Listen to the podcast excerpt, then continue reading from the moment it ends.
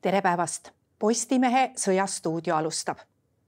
pärast rünnakut Sevastopoli sadamale teatas Venemaa, et loobub Musta mere viljakokkuleppest.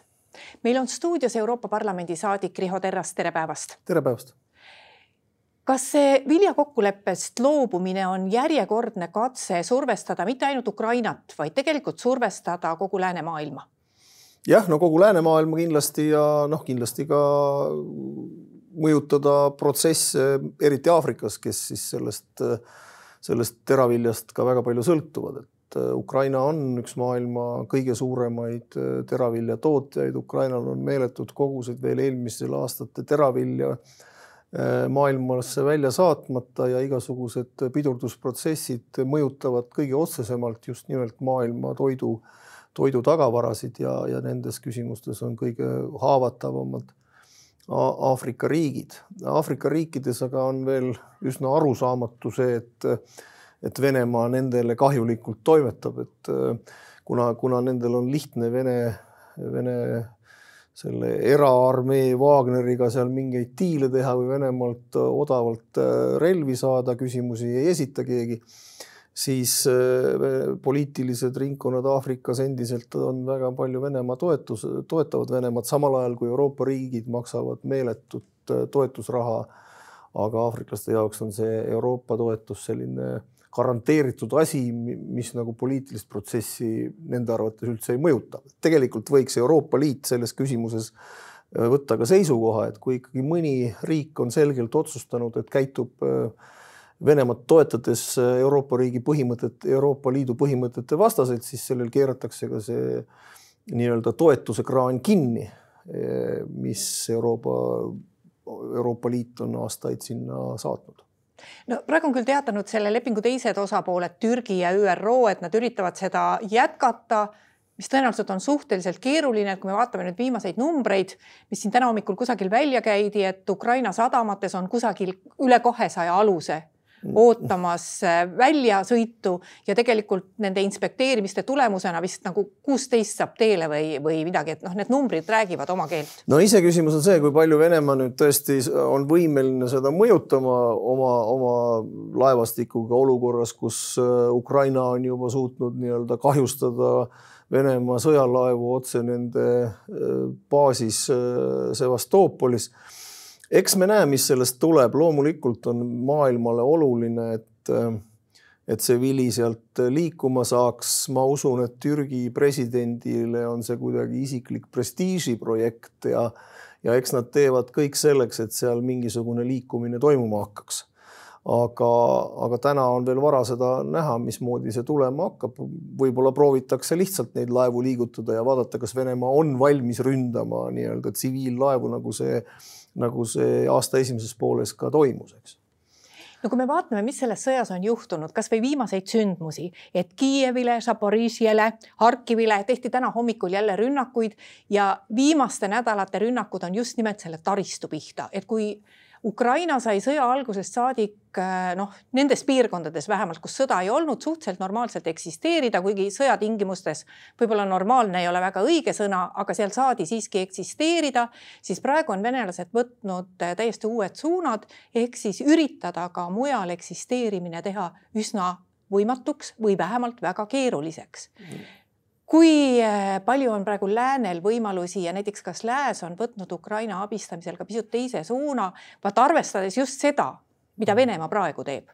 no ma arvan, et äh, esiteks Venemaa need raketirünnakud on vähemaks jäänud, märgatavalt vähemaks, ilmselt tingitud sellest, et ikkagi seda, seda raketirelvastust enam nii palju ei ole väga palju lastakse ka neid rakette alla ehk et palju paremaks on muutunud ka ukrainlaste enda Äh, õhukaitsevahendite tase. Äh, loomulikult soovib Venemaa, lähtudes eeldusest, et kui rahvas on, ei ole rahul, külmetab ja, ja, ja ei ole midagi süüa, et siis äh, nad on valmis nii-öelda Kiievis režiimi muutma. see eeldus minu hinnangul on täiesti vale Ukraina rahvas, nii palju kui ma olen suhelnud nendega erinevates tasandites, on väga veendunud, et, et Venemaad tuleb võita ja nad on valmis kannatama ka selles raskes talvises olukorras kannatama, kui elektrit ei ole, kui, kui süüa ei ole. nii et, et sellest, see eeldus on Venemaal kindlasti vale, Putin kindlasti eksib sellega, et ta sellega surub neid pigem nagu öeldakse tänavatele, vaid vastupidi, suurendab hoopis opositsiooni nii-öelda ja Venemaa vastu ja, ja tegelikult veel rohkem konsolideerib Ukraina rahvast aga, aga raske saab see talv igal juhul olema, sest Venemaa on võtnud süsteemselt ette äh, just nimelt elektritaristu, soojataristu, neid, selle taristu, mis nagu on oluline talve üleelamiseks, ründamise. Mida Euroopa saaks teha, Euroopa esiteks peaks nüüd aru saama, et tuleb saata rohkem relvi, tuleb saata rohkem õhutõrjevahendeid, tuleb saata relvi. Ja tuleb toota rohkem, sest et täna on ikkagi olukord, kus meil lihtsalt mõnda asja ei, olegi toodetud viimastel aastatel. ja, ja, ja siis äh, ka see niinimetatud Marshalli plaan, millest nüüd küll räägitud on, aga, aga tegelikult veel reaalselt sellega ei tegeleta, et seda tuleb hakata ka väga kiiresti mitte ainult kokku kirjutama, vaid ka juba täna täitma, ehk et äh, nendes piirkondades, mis, kus, mis otseselt sõjaga seotud ei ole tuleb hakata tegelema ülesehitusega süsteemselt ja, ja selle jaoks raha, eraldama raha äh, lääneriikide ühisesse katlasse, kust siis saab Ukrainat äh, toetada just nendel rasketel aegadel. kuidas seal Brüsselis need meeleolud Ukraina abistamise suhtes üleüldse on, sest noh, sellest on ju palju räägitud, et inimestel hakkab tekkima sõjaväsimus ja praegu ei saa ju mööda ka sellest, et ega siis Venemaa on ju oma tegevusega survestamas kogu Euroopat. et jah, me tegeleme Euroopa energiakriisiga samas ega mitte keegi ei oska ennustada, milline talv tuleb. et kui suur on praegu oht, et Euroopa mattub iseenda probleemide lahendamisse ja üha enam tuleb neid hääli, kes ütlevad, et noh, lõpeks see sõda juba ükskord ära no see, see oht on ikka ju alati olemas, et, et teema muutub vähem aktuaalseks ja inimeste oma mured muutuvad tähtsamaks. aga kuna me eh, väga kiiresti Euroopas reageerisime sellele eh, ütleme energiakriisile selles mõttes, et, et läks selgelt kiiresti varude tagamiseks, varude suurendamiseks gaasi peale näiteks. sakslased jätsid tööle oma, oma tuumaelektrijaamad. ka Eesti siin kasutab oma põlevkivielektrit ja neid plokke, mis olid konserveeritud, võtab kasutusse Eh, ehk kõik teised riigid teevad seda ka, sellega püütakse ju oma inimestel see probleem lahjendada või vähe, vähe leebemaks teha, eks ju. ja, ja need, eh, ega siis see mitte, mis Brüsselis toimub, ei ole oluline, vaid see, mida, mida inimesed eh, vastavates riikides, need, kes valivad uusi valitsusi, mida nemad mõtlevad ja, ja noh, ütleme indikaatoriks või selliseks lakmuspaberiks võiks näha ka Itaalia viimaseid valimisi, kus küll võitsid nii-öelda ultrakonservatiivsed ja konservatiivsed jõud, aga peaminister Meloni äh, seisukohavõtud olid väga Ukrainat toetavad, mis on ju selge, et siis järelikult Ukraina, Itaalia rahvas ootas neid sõnumeid tema käest. Ehk et itaallased, kes on noh, olnud ikkagi tihti ka Salvini ja Berlusconi äh, juhtimisel niisugused ütleme, Venemaa sõbralikud või Putini sõbralikud istusid nad mõlemad parteid seal kõrval ja kuulasid ja noogutasid kaasa, kui, kui räägiti sellest, kuidas me peame Ukrainaga koos võitlema ja kuidas Ukraina peab sõja võitma.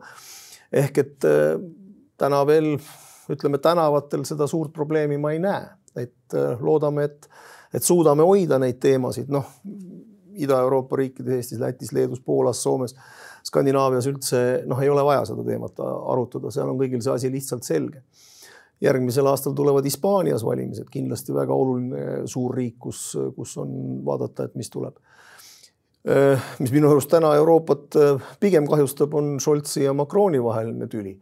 ehk et seda peab küll nüüd ütlema, et see peaks nüüd kiiresti ära lahendatama ja ja leidma seal see ühine keel, sest muidu, muidu on see Euroopa lõhenemine, mõjutab kindlasti ka lõpuks Ukrainat eh, nüüd te rääkisite nagu poliitikaga, vaataks neid asju ka sellelt seisukohalt, eh, nagu te vaataksite siis, kui te ei oleks poliitik, vaid ainult endine kaitseväe juhataja.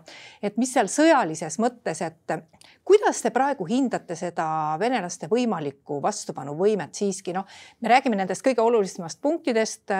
Eh, Hersoon, kõik ootavad, millal seal tuleb mingi läbimurre. samas teised analüütikud ütlevad, et ega seal väga kiiresti midagi ei tule. et kuidas te praegu hindate venelaste võimalusi ühel või teisel rindelõigul siiski hakkama saada? no mingisugust põhimõttelist muutust ma ei näe tulemas. tähendab kõiki vahendeid, mida Venemaa on proovinud, mobilisatsiooni läbiviimine, eraarmee suurendamine läbi vangide sinna lisamise või, või Valgevenes tegutse, tegutsemine nii, nagu nad praegu seda teevad, ei ole mingit reaalset muutust sinna toonud. näha on, et ukrainlased kaitsepüsimustes suudavad ennast kaitsta piisavalt hästi, piisavalt efektiivselt. Venemaa saab aru, et Hersoni kaotamine oleks poliitiline katastroof, ütleme selle sõja mõistes. aga sõjaliselt Hersoni hoidmine on enesetapp. ja, ja nüüd, äh, mis siis tulevikus tulema hakkab, seda ei oskagi öelda, ka ukrainlaste jaoks on, on palju raskem äh, Hersoni linna nii-öelda tagasivallutamine. inimesed on seal sees, need inimesed on needsamad Ukraina inimesed. Herson on üks Ukraina jaoks väga tähtis Ukraina linn. Eh, järelikult peab eh, tegelema kuidagi kas ümberhaaramisega, piiramisrõngasse võtmisega ja siis nende nii-öelda väljasuitsetamisega. linnalahing, Venemaa valmistub seal linnalahinguteks. mingeid kiireid lahendeid mina praegu ei näe lähikuudel tulemas. väga oluline siin kontekstis on ka ju ilmastik ja täna on ju, praegu on ju olukord, kus tegelikult enamus liikumisi saavad toimuda ainult äh, jalgsi, vähemal määral roomikutel ehk et ratasmasinatega, mis on Ukraina armeele olnud äh, väga oluline liikumisvahend. Äh, läänest on nad enamuses saanud ratasmasinaid ehk et nendega liikumine nendel poristel väljadel kus teid praeguseks hetkeks ilmselt enam üldse ei ole, on, on väga keeruline. nii et äh, ma ei näe siit kiireid muutusi. ukrainlased ise ja olen paariga suhelnud, on väga optimistlikud ja ütlevad, et selle aasta lõpuks on, on äh, Dnepri läänekallas puhas venelastest. ja, ja kohe minnakse edasi ja järgmise aasta keskpaigaks on Krimm vallutatud, see on nende selline meeleolu. noh, praegu ma seda realistlikuks ei pea. küll aga erinevus on väga suur armeedes. Vene armee sõdida ei taha, väljaõpet ei ole, väga kehvasti varustatud, relvastatud, vana, vana tehn-, tehnikaga piiripealsete nii-öelda veel toimivate tehnika võimalustega. Ukraina hästi välja õpetatud, sõjas kogenud, küll palju pihta saanud nüüd, et väga palju ukrainlasi on ka ikkagi langenud, me ei räägi sellest väga palju, aga tegelikult siiski Äh, aga, aga värskete reservidega, mis on nüüd värskelt välja õpetatud, juurde toodud ja Ameerika Ühendriikide Land-Lease'i leping hakkas esimesest oktoobrist kehtima, eks esimesed mõjud on tulemas, Himarsid, Himarsi raketid, me nägime siin äh, kahesaja viiekümne miljonilist äh, nii-öelda laskemoona toetust jälle juurde sinna, nii et noh, ukrainlased on pigem paremas seisus, aga, aga sellist päris olulist fundamentaalset muutust ma hetkel ei näe tulemas no palju ikkagi räägitakse selle üle, kas venelased võivad kriitilises olukorras ja nende jaoks väga halvas olukorras kasutada tuumarelva või mitte. no viimane väljaütlemine on Rahvusvahelise Sõjauuringute Instituudi poolt tulnud, kes nemad ütlevad, et noh, tõenäoliselt mitte, et nad tõenäoliselt siiski jätkaga, jätkavad tavarelvastusega. kui suur see tõenäosus on, et nad ikkagi, venelased jätkavad võitlust tavarelvastusega ja ei tule keemiarelvaga või ei tule tuumarelvaga välja? noh, tuumarelv, massimõttesrelvaga, noh eriti tuumarelvaga tuumarelva kasutamine muudab äh, noh, kogu selle sõjateatri teistsuguseks, seal kõik, kõik maailma riigid muutuvad osaliseks sellest hetkest. ja, ja maailma suured, eks ju, Ameerika Ühendriigid ja Hiina äh, kindlasti vaatavad sellele ma, ma arvan, et isegi Hiina jaoks ei ole väga kasulik või Hiina jaoks on see väga halb ja Hiina mõistab seda, kui kasutatakse tuumarelva.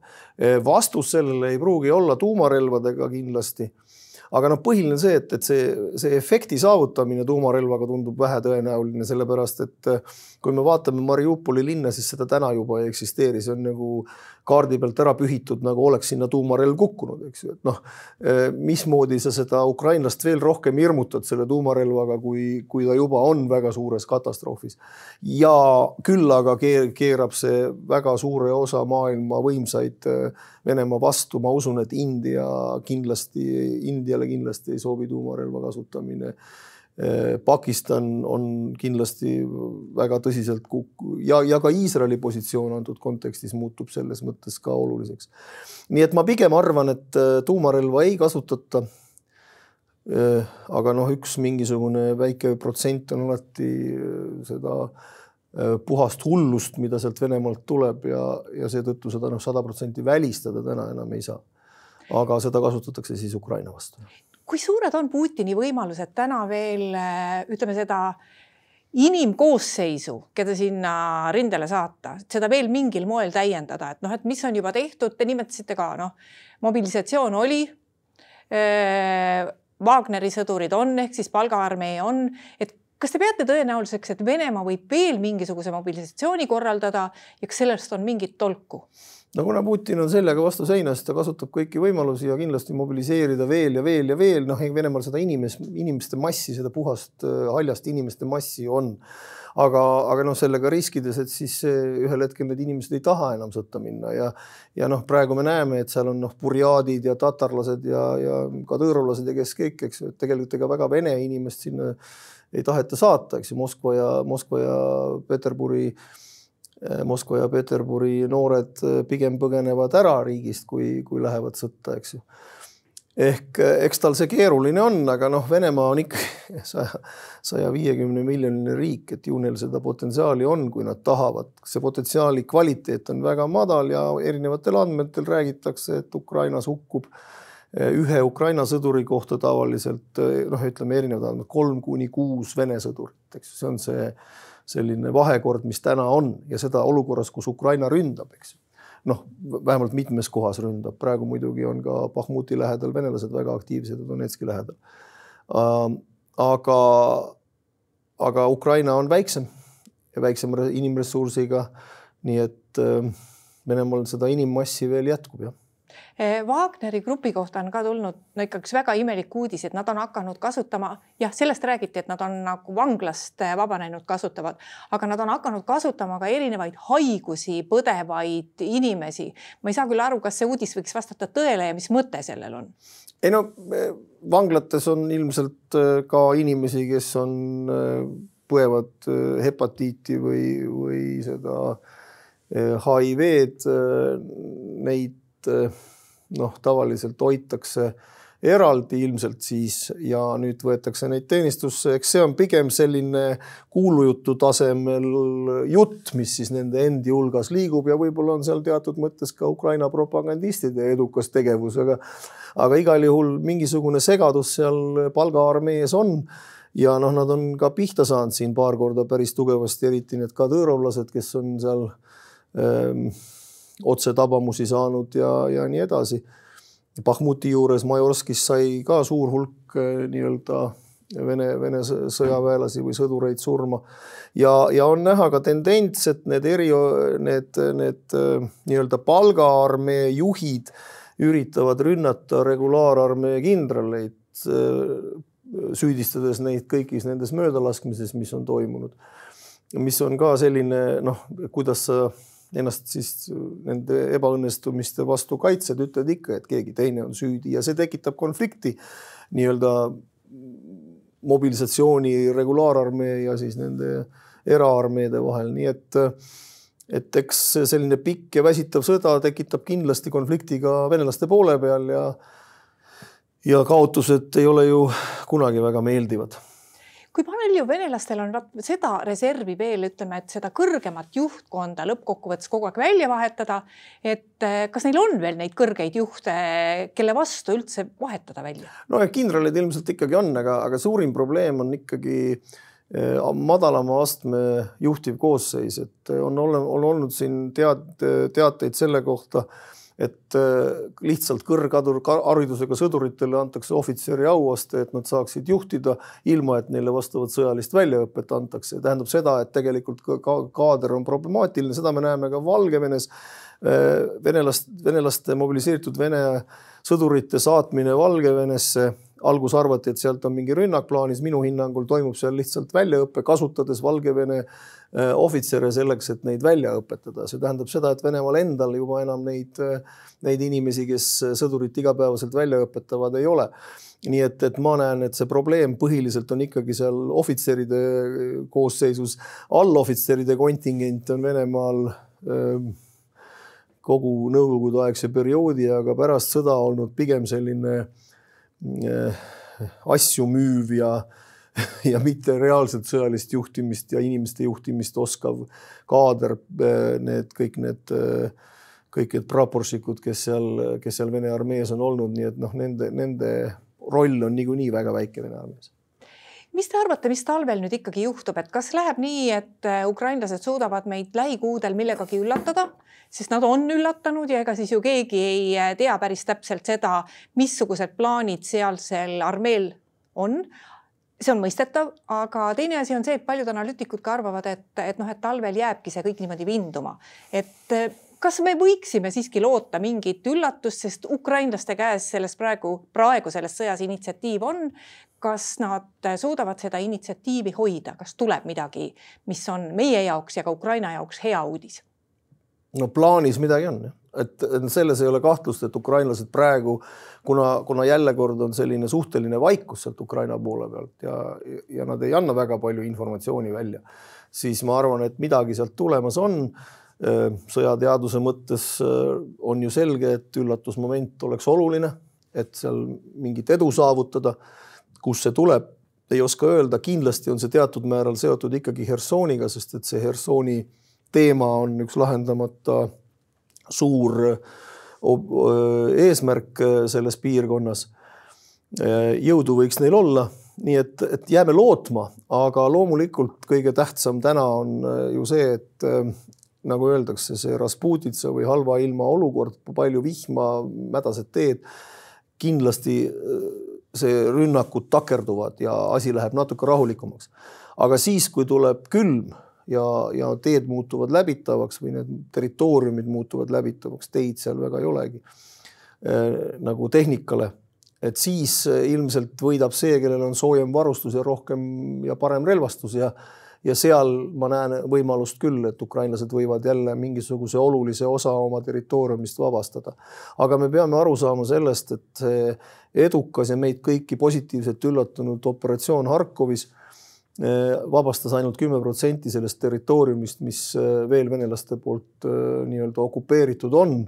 ehk et rasket tööd on veel palju vaja teha. aitäh, Riho Terras, ühinemast meie saatega. Aitäh. aitäh ka kõigile neile, kes meid vaatasid. Postimehe järgmine otsesaade on eetris juba homme. seniks lugege uudiseid postimees.ee